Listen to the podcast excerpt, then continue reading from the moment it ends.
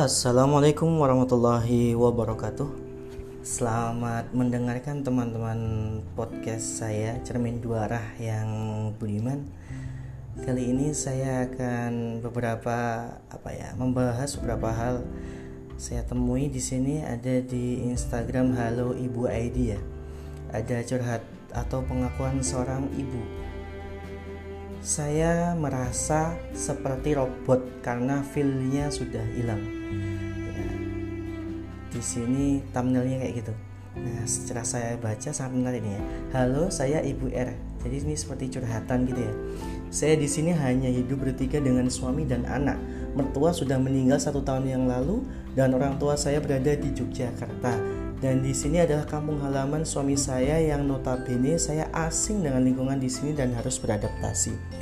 Tidak ada orang yang bisa diandalkan kecuali suami saya. Tapi suami saya adalah tipe orang yang keras kepala dan selalu menganggap bahwa pendapat atau pemikiran dia selalu benar. Setiap saya mengeluarkan pendapat malah selalu dibilang saya itu ngeyelan. Pernah suatu hari saya cerita ke suami kalau saya stres karena kelelahan mengurus rumah dan anak. Tapi dia menjawab, stresmu itu dibuat sendiri. Seketika itu saya nggak pernah cerita apa pun apa yang saya rasakan ataupun yang saya inginkan ke suami dan itu berjalan lebih dari satu tahun. Yang suami tahu saya baik-baik saja tapi sebetulnya tidak dan kalau saya menangis di depannya dia malah dia malah menggertak lalu pergi. Saya merasa kehilangan sosok yang membuat hati saya damai. Dan baru-baru ini saya menyadari kalau saya seperti robot karena feelnya sudah hilang. Jadi cerita seperti ini mungkin akan banyak sekali di kalangan rumah tangga yang masih muda atau baru atau masa malah sudah lama gitu ya. Permasalahan seperti ini sebenarnya ya wajar ya, wajar bagi setiap pasangan yang menikah. Karena menikah itu ya menyatukan dua hal yang berbeda. Dua hal dari komposisi yang berbeda, dua hal dari tempat tinggal yang berbeda, dua hal dari kebiasaan yang berbeda, dua hal dari segala apa pun sifat dan apa pun yang sangat berbeda. Nah, yang menjembatani di sini adalah pola komunikasi sebenarnya. Jadi kalau kita mau dewasa ya, ya semua hampir semua mengeluhkan ibu-ibu mengeluhkan dan sebagainya karena mereka mengeluhkan lebih ke arah perasaan karena lebih dominan ke perasaan sedangkan laki-laki tidak merasakan itu laki-laki lebih ke akal dan lain sebagainya semua bisa diselesaikan dengan akal dan lain sebagainya. Nah, untuk menjembatani hal itu, maka sebagai ibu-ibu yang mungkin sudah merasa dirinya tidak dihargai, dirinya sudah tidak bisa istilahnya apa ya, sudah merasa lelah udah ya udah terserah kamu mas.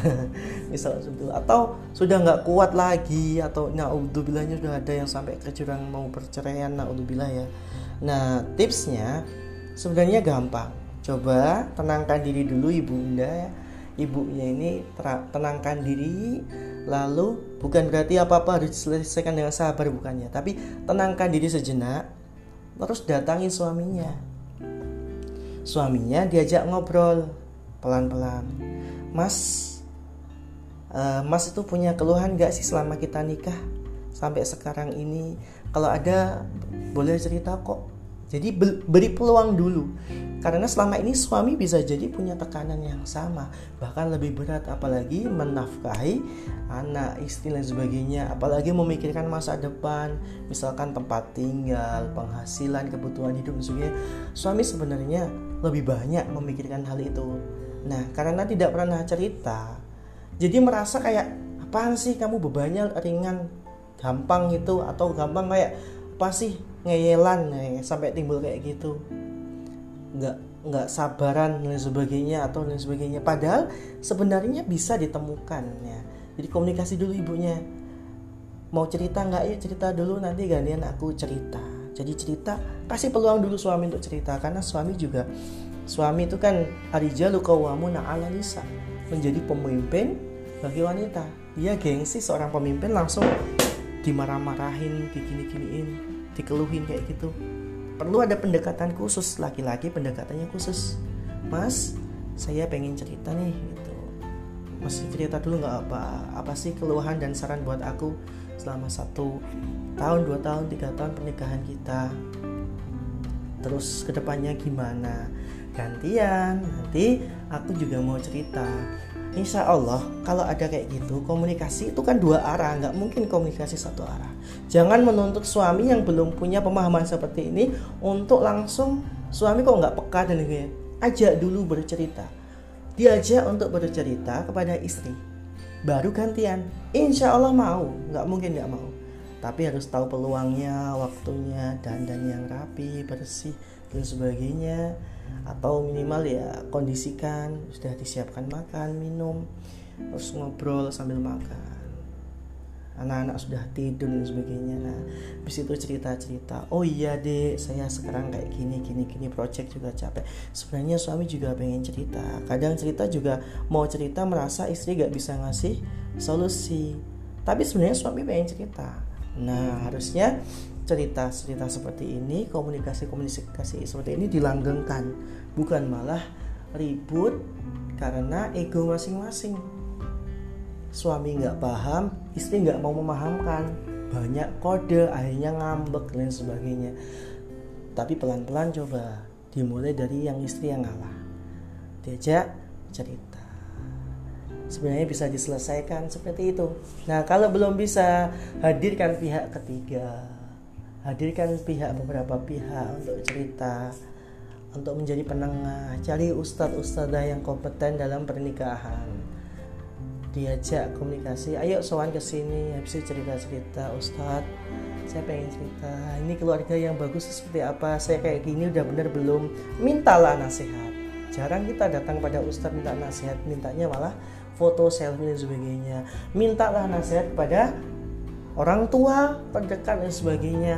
Tidak harus pakai emosi tidak harus pakai marah. Ya, jadi pelan-pelan semua bisa diselesaikan. Jadi seperti itu ya. Jadi tidak ada lagi besok suami istri kurang komunikasi kayak gini. Mulai dari yang paling tahu dulu yang paling sadar dulu. Misalkan suami yang sadar ini ajak cerita kurangku apa dek nah, misalkan. Sekarang gimana bagusnya? Ke depan gimana? Proyek-proyek keluarga kita gimana bukan langsung jebret ketika ada masalah kamu itu gini gini gini gini sudah anu main HP bukan. Itu nggak akan menyelesaikan masalah. Yang ada ego marah tidak akan tahap penyelesaian. Yang ada malah keributan dan inalilahnya disukai setan bisa sampai curang perceraian. Seperti yang terjadi hari-hari ini mungkin karena efek komunikasi yang kurang lancar dan efek rutinitas yang sering bertemu tapi tatap-tatapan tapi tatap-tatapan gadget masing-masing akhirnya di rumah serasa tidak di rumah. Padahal kondisi sedang uh, karantina mandiri covid kayak gini dan sebagainya. Oleh karena itu teman-teman semua pendengar yang sudah menikah ini pembelajarannya. Jadi kalau bisa selesaikan berdua kalau tidak bisa silahkan selesaikan dengan dan sebagainya. Yang penting pola komunikasinya dijaga dimulai dengan baik-baik sekian dari saya pendengar yang setia podcast saya. Terima kasih. Assalamualaikum warahmatullahi wabarakatuh